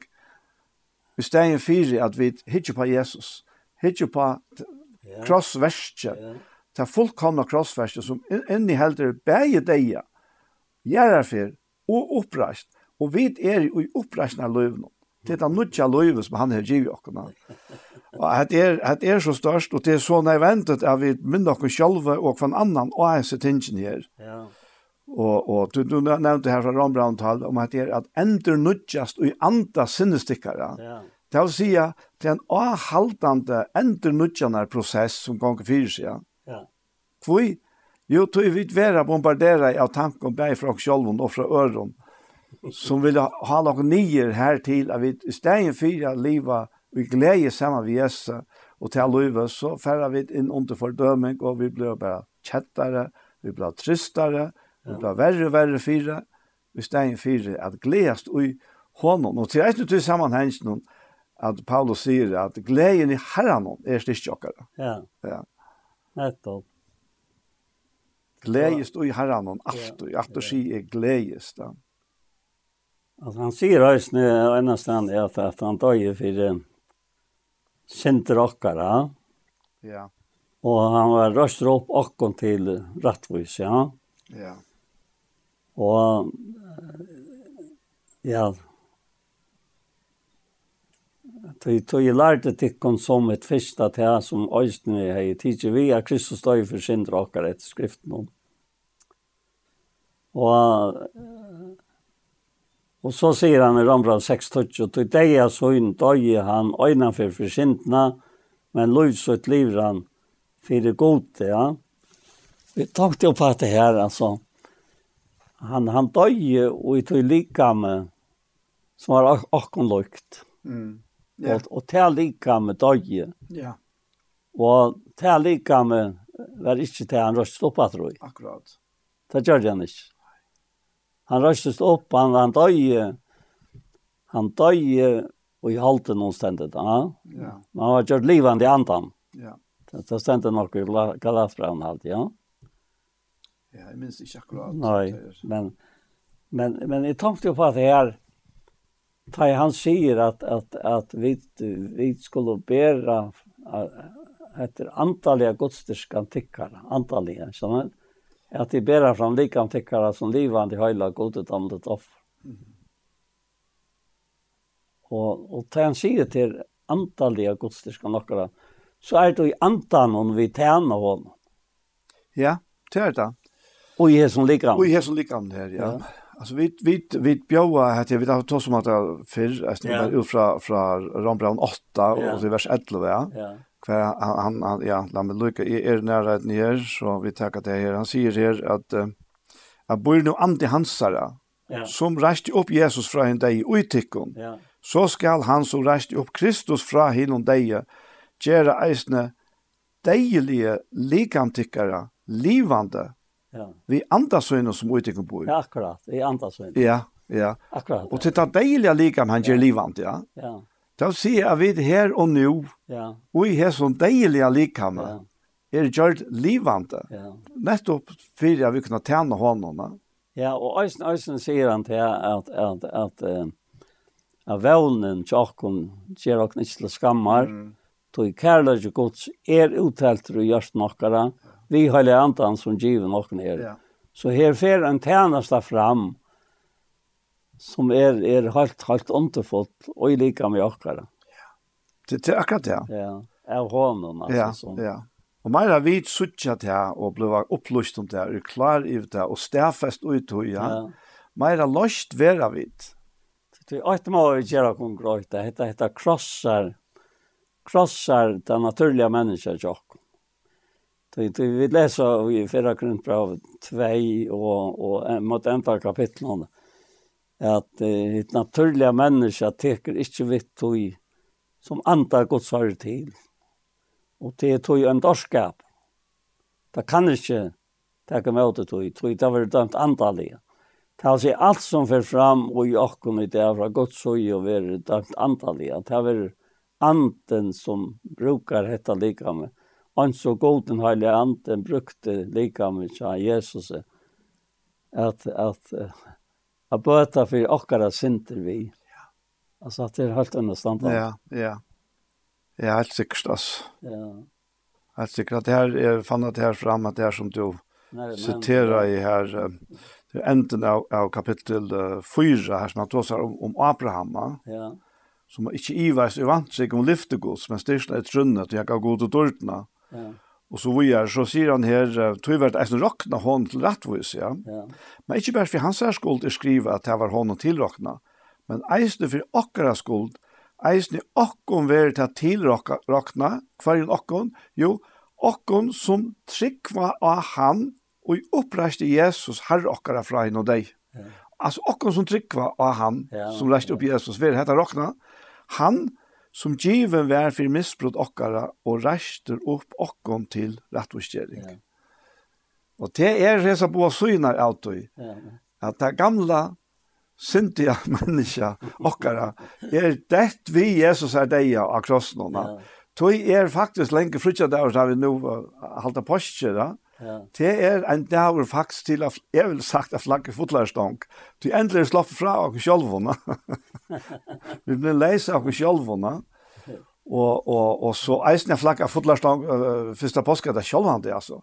Men du, så boer prosessen er mot til for at det skal være fullkomne. Så hvis vi ikke døg, ja, og kom inn og i her, det var jo det som god forrige fire, Ja. Ta i han sette kerupanar vi en låande svören om. Ja. Vi vi vänner till lusestrea. Så han ville inte att det gamla fallna skulle komma in och ut det evige antalliga. Och det fullkomne och rättvisa. Ja. Så var det spilt. Och tog er processen vi att Jesus dör länka frutja det. Ja. Som vi minnast. Hon är så fullkomna nejo för att vi bävit och god kunde släppa av i okkon det gamla. Ja og han ger oss nytt liv. Ja. Fullkomna nytt liv. Og til Kristus liv. Og så er vi sjåvan, og vi ser her, vi ser her processen prosessene, hver vi, vi er ikke kommet til himmels enn, vi er jo i hesen likamnon, og det er også det som vi hørte fram her fra Rombrand 11, nei, fra Rombrand 8, vers 11, at han som reste opp Kristus, bor han i okken, det gjør han. Hesten andre bor i okken, ja. og han gjør deilig likam okkar livande. Det vil si at, at jeg, som kjenner meg selv så godt, og vet hvordan vann all stoff er det med, at jeg kan rakna meg som livande og tjene gode. Ja. Og hva skal jeg? Det er det samme for åkne ødel, som var Jesus. Nettopp, nettopp. Så det, det er, altså, det, det er bare så størst og underfullt at man har ikke alt år for det, man ofte leit etter årene jeg forklarer det vi, tror jeg at ja. det er så veldig. Men det er som han, Los Palau, sier vi i handen her, att han skulle säga. Ja. Ja, då nämnde jag. Ja, ja Joseph Prince. Ja, ja, Joseph, ja. Ja, han, han nämnde vi här här som ja. som var bonden av Röjtjink, att det är konkret det här. Ja. ja. Att jotta att är er Guds rättvise i Kristi Jesus. Ja. Och det är så väldigt störst och det viskar förlösande på oss. Tar vi jotta Guds handläggare om oss og ikkje til ynkelige liknene som vi kan gå i, tog at er Jesus Kristus deg er opprisen for oss, ja, men så er det sannhet, og det er det vi slår råkne vi, og ikkje til, ja, men jeg er så, ring, jeg er så vanlig, og så vi er, ja. Det er likn, Ja, ja. Ja. Det er akkurat det, ja. Det är ösnet här, han börjar Galatbra og Paulus, så sier han till at Og vi vers 3, i naiver vi tikkun og frigjur fra gode fjær herre okra Jesu Kristi, som gav seg sjálvan fire synder okkara, og så kommer dette uttrykket, fire er at bjerga okkon ut ur hes og nuverande ønda høyme, etter vilja gods, og fretsar okkara. Hon har vært dård og i altor allar ever. Amen. Bare hatt det han ser, sier tro i versene, altså hvordan utrolig avgjørte han er, er som du verande ønta høyme, og til han sier at det er så, så kallar han til Løyvi, han hei liva, nu verande og ønt, som hei ta veri. Og koksa seg til, han er bjergavur, ut ur her som nu verande ønta høyme, et vilja gods. Altså, det er utroligt. Ja. Og han helst til henne gode med han, lute til lov. Ja. Og jeg halte til det som hendte i hånden til han kom til Sikva, altså han, han, han sier sin drøm til her, om uh, til han ble frelstor. Han sier i vers 11, og til det skal jeg lete at det kom vita brøver, at evangeliet som jeg har prætker, ikke menneskeversk. Ja? Mm.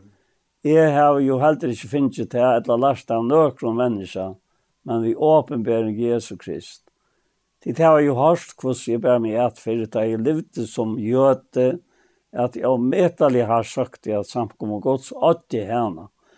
Da sier jeg ikke om det er ikke annet enn gods samkom. Og hon er, hon er åtte, altså. Åtte vi Jesus Kristus, og åtte vi ferden og i andre Og, og så sier han, Jeg var langer i jødadøvnum enn menneske javnaldrar og i falske møgnen, og jeg var en utnær for lærdom om fetra møgnen. Men ta i gode lykke som er vi har tidsi meg ut, som kallar meg vina i søgne, at åpenbæra sånnsøgn ui mer, for at jeg skulle kun til evangelium han med til høytingarnar, spurte jeg vita samme ikke holdt og blei til oss, for helst ikke nian til Jerusalem, til tara som ånda med apostlar, Nei, jeg var bort til Arabia og kom så atter til Damaskus. Og så, da var tro jeg for, 17 tro jeg var. Jeg husker om, om da jeg møtte Jesus her i Apostlen som nødt.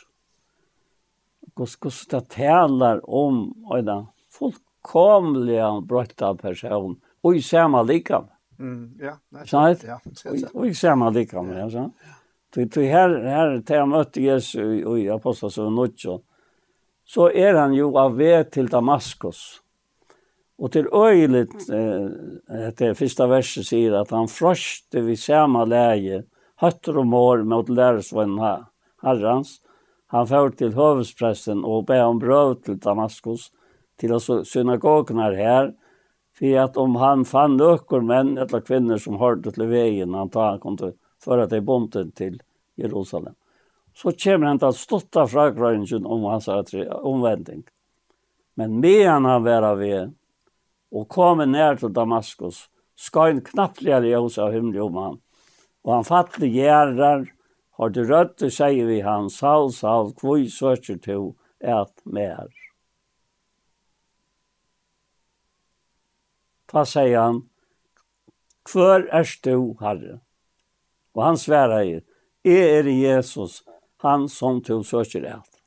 Det var alt. Mm. Han fikk bøyne av å vite at det var Jesus han søkte det alt. Da han søkte i alt har man som tror jeg han. Ja. Altså, fra, fra Guds søye er det vidt åkt, vi han og vi færen altså. Færen og såneren og goden den høylige. Alltså att att och och och, och på ena vägen så får han hetta vita. Och så så börjar det som vi tar som Janne. Vill du så kan du. Ja. Men röjs det och fär in i stägen så ska vi ha sagt där vad du ska göra.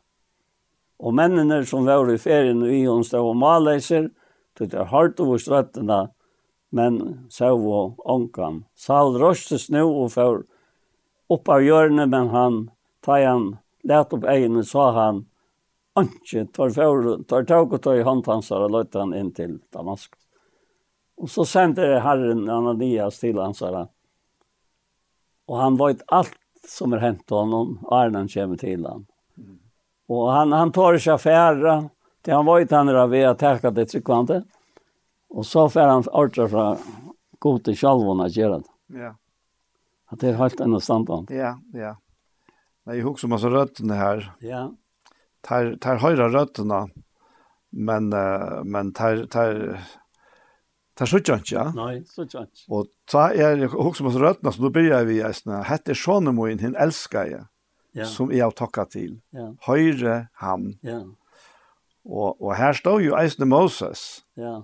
Moses åpenbærer seg fjallen sammen med Elias ja. og Jess. Ja. ja. Og jeg ser her, jeg ser bøyen her, høyre han. Ja. Tei, hver, hver Moses kommer vi sjølver. Ja. Så han, han har sagt vi følger at prof, profet en som er skal herren god tikkere reise til kun oppa, og så skal være at hvert han og ikke høyre han skal være øyter ut ur følgesøgnene. Mm Og hette, och nu stender Moses her, Ja. ja. Och och och han är vittne till att det är som som gång fyra kjestene. Och han har ju så her, som han faktisk själv har hørt profetiskt da. Och att høyre han alltså sonen høyre Jesus. Ja. Och till här i allt är han är alfa och omega och och alle akkurat tilvære, han vill knytte till han. Ja. Som är alfa och omega.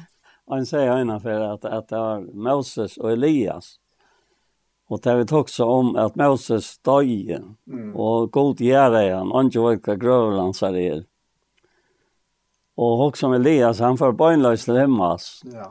Så, så, fern, så ser man fire seg eh, godsfolk eier vel, da. Ja. At eh, enn så færer deg øyn og øyn. Ja. ja. Og nekva stedene, ja. ved at det er punkt for trunna, og færer øyn og øyn. Mm -hmm. Og så pratade jag innanför så färra öll akkurat som Elias. Ja. Rikt bort. Vi skulle ikke da møte herren i luften. Ja. Så skulle vi alltid være sammen med herren. Ja. Og så er her er øyne näck inn i oj mynten i her, til det er det pjäs som fjällen hon Og retten rätten ljövar. Mm. Och rätten ljövar. Det jeg fant, ja. altså.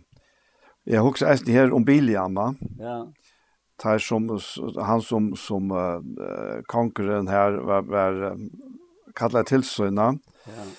Uh, han sände nu på till Biljamson Beor i Peter som ligger annat till land här som han bor med fast att be han komma till. Ja. Och han vill ha här var Biljam till Abanda. Ja. Banda falsknona. Och för kvar affär så, så kommer det här så han har en lång server av server ja. Så Så för kvarje affär, han teker runt fyra stö, fyra alla fyra attenar. Ja. Och för kvarje affär så signar han Ja. Uh, Israel. Alltså det där att han fantastiska, kanske det flottaste profetin om Jesus som vi har sagt här faktiskt då. Ja. Och och och han han säger med en annan att uh, du kan veta om such det här eh uh, han säger här Ja, men här är avläggaren, han må ikke tale annat enn det som, som han har sagt. Da. Og ta bær han jo fram ljósut og sier, Ur Aram fekk Balak med hier Ur Estanfjötlen konger Moabs kom og banna med Jakob kom og bi illt i Israel Hvordan skal jeg banna tog og god ikke bannar? Hvordan skal jeg bia illt ivet han, og herren ikkje er vreira? Tui av fjallstind no suttji han, av hatten no skoi han, til er folk og bor for seg sjålt, og mittlen hetninga falsen roknar til seg ikkje. Hvor kan telja Jakob, og teljande som duste, etla enda ber fjörringen av Israel, la salmen få at han deia, og hennes handhjärsta få, og la at lus, låg mot vera, som tarra och så ger ger Balak dundrande vröla. Men han för så vujare, Och och och så ser han ut i ena profetiske åren här om Gud at ei ser han orätt i Israel. Ja. Og ta vi kjenner søvna til Israel, Ja. ta det er kommet her til, så er det nesten bare årettere, altså ikke. Her er, her er så nekv Ja. Att finnas det att. Och vi stanta och puffa nästan tar vi läsa det. Ja men kvoi fetjer en god kalv och allt det där. Ja. ja. Men uh, en förklarar det öliga gott. Ja. Vi uh, vi Biljam, till Biljam han var lätt från fjället till fjall. Ja. Och han ser här ur erva nyer ivera. Ja. Och attornar till Israel, det var tolv tal, ja. Där stod vi trutjar norrrätter, trutjar esträtter, trutja sjur etter, ja. og trutja vestre etter. Så ta og i biljam og hegge et falsknån, ta ser han krossen. Ah, ja. og tog kunde god si hette her, ja. at ei ser han året i Israel. Ja. Tog biljam sa falskje og jøgne krossen. Ja. Så for så vidt ja, det passer jeg, Jeg falt ikke hei sinta størlige og hei bæra, nesten være gjenstrytet og åløye og alt det der. Men god ser erva, og han har sendt sånn sin, ja. og krossen kommer i midtlene. Ja. Så god tar han ser okken i det. Ja. Så ser han okken på samme måte som Biliam sa, Israel ta, i tjøkken krossene. Og til det som er tøyen om min hemmelighet, til det at vi trykker av Jesus, han som får, han som hekker krossen og fyrer okken. Fyrer okken sint. Og ja, det passer om alt mulig som vi kan si om okken og rett til okken men god ser okkene jøgnen, kross jeser, og tog er vi rettvis. Ja. Og det er bare en sånn glede på at vi må få det ut til alle mennesker. på alle måter, ja. ja. Så sier han også om, om, om deg og, og i samband med Er det her brøven og nok stedet, så pletteren som fylte til han var Kristus. Ja. Ja. Det er helt en stand. Det er etter fyrre, det er fyrre akkurat en tutsi alt, ja. Ja, det det det utroligt vi vi skriften om alltså hvordan, hur ja hvordan det er hengt sammen og i budskapen om våra herre og frelser, Ja. Ja ja ja ja ja. Det er så sammanhängande ja, ent alltså så er fullt fullkommen heilstøpt ja. frasøgn om alt det der, altså at, så Bibelen er helt en standard. Ja, er det ikke det? Jo. Og så, så til at, at herren, herre nå lykka vi, vi, vi akkara oppvaksre at, at vi, vi finner fæter ut som er atlan tøytningen bæg i løyven og nå i kommande jævnløyka. Ja. Det er utrolig nei han er sånt, da. Ja. Ja, han sitter i fyrre grunn fra tøyt 24. Ja. Og de drukko alle samme andalige drikk. De drukko av henne andalige klette og i fyllte tøymon. Og kletteren var Kristus. Ja. Alltså så langt her. Altså, la, la, altså langt og ta kommer fram ved his nåd för. Ja, ja. Hva det var, og det var mynt av altså, og, i- sin öje marska för. Ja. Ja. Ja. Ja, hva skal du utlegge trett? Det er ikke nekva legge trett. Ja, det det er klettren som fylgjer okkon, eller han som fylgjer okkon til Øysten Kristus. Det er det som er det.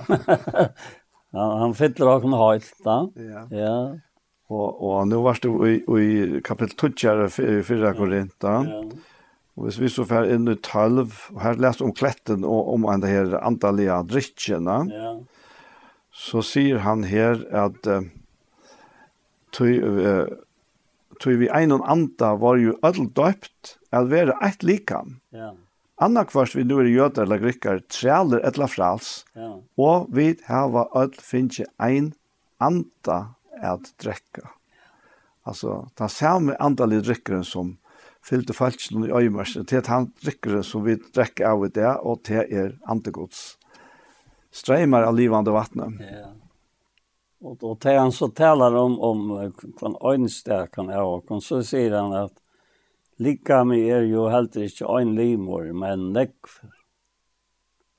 Och om fältren vill det sagt ta är inte er i hand så är det inte lika men så har han lika väl lika med för det.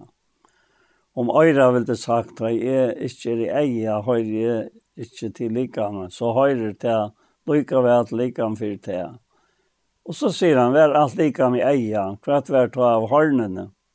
Och vart allt horn kvart vart ta av lukten om. Men hever nu god sett limenar lika med kvann fyrir seg såle som han vilte. Våre tar nu atler ein limer kvart vær ta av likamnon, men nu er vi Men nu er det nekve limer og best åt likam. Och så får han in i kan det ske vid håndna och så framvis. Ja, ja, alltså allt, allt, allt, Ja. Så jag vill bara säga att, att som vi ska ända vi tar limer av likamnen som vi inte halter vara så mycket höjer vi klär vi vid tess möjre höjer och tar limer och vi blickvast vi fjälar vi tess samligare hinner her imot, tar vi ikke blikkvast vi, tar vi løytes til kjetta. Men god tever sett likamme så ser man at han gav til som minne hever at tøya større høyer, for at ikke skal være avsamje likamme noen, men limener skulle hava lykke omsorgen hver for i år.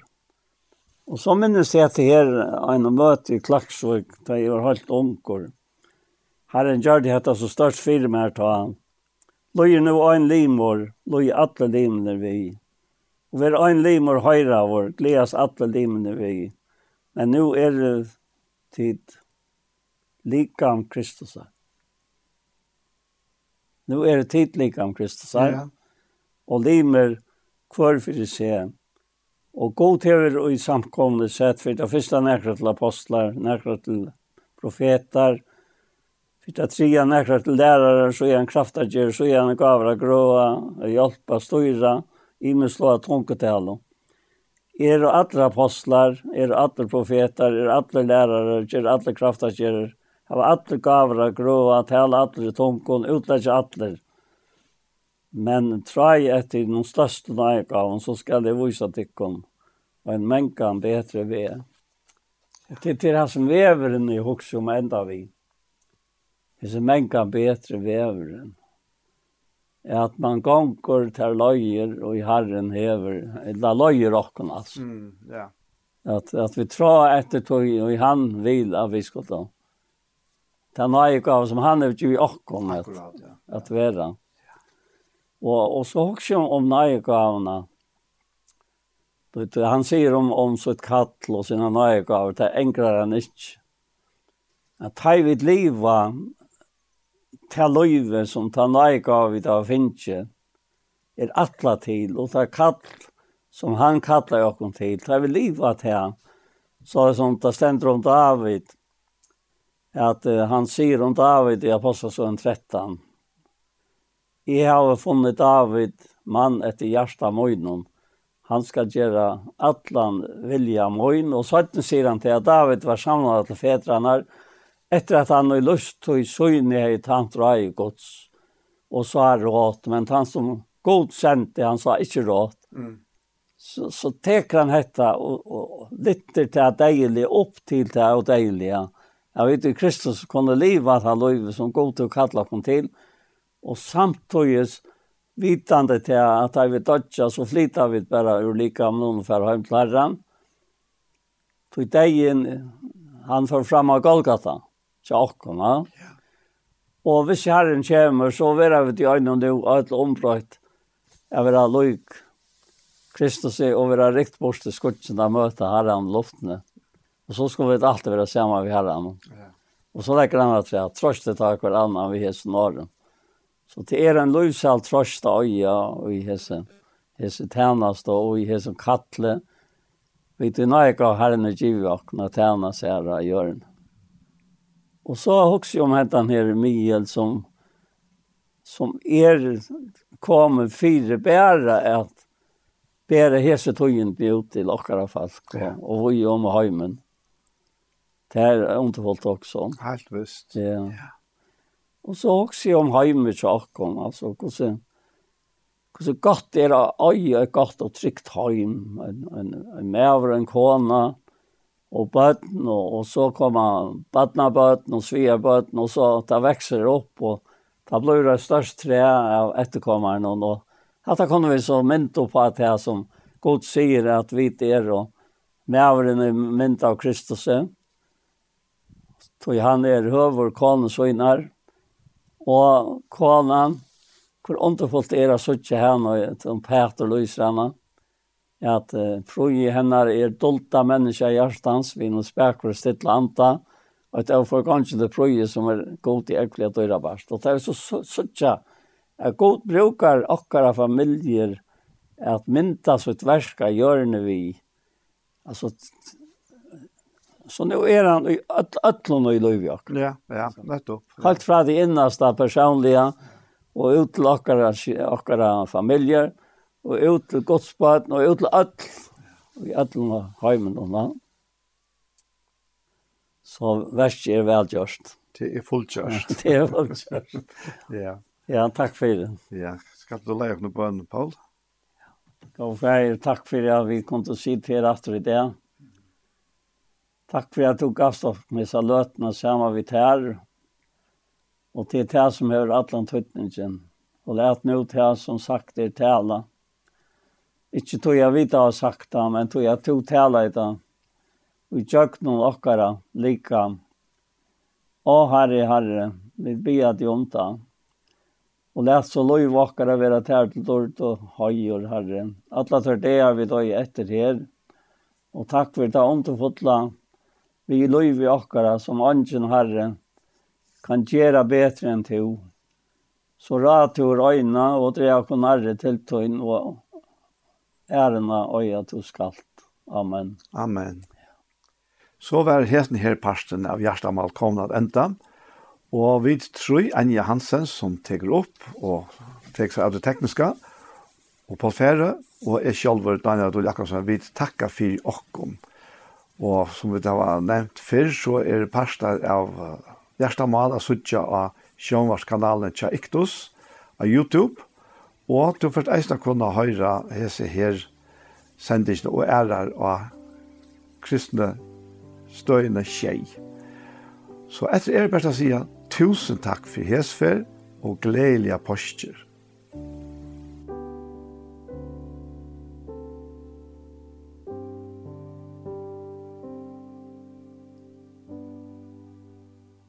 Hetta var så hjertemål for hesfer, Og her vi er så sendingen vi veien eisne kommen at enda. Og i det så har vi tog tog fyrra parst noen vårt gåan tonleik, og så var eisne Lise og Holeit. Og det var mest ur Johannes kapittel 6. Og ja, eisne fyra, fyra og 6 fyrra mesta. Og om det her livande vattnet og livande breie, det er vi av livet som Jesus her og gjør åkken. Og henne her sendingen, hun verer at, ja, under sendene parsten, så var det så hjertemål, som sagt. Og henne her sendingen, hun verer høyre atter i kveld klokken tjei, og atter i morgen er det klokken fem. Så etter det beste å si at tusen takk for Jesper. Takk for dog, ting tinger ikke, ein så hanse till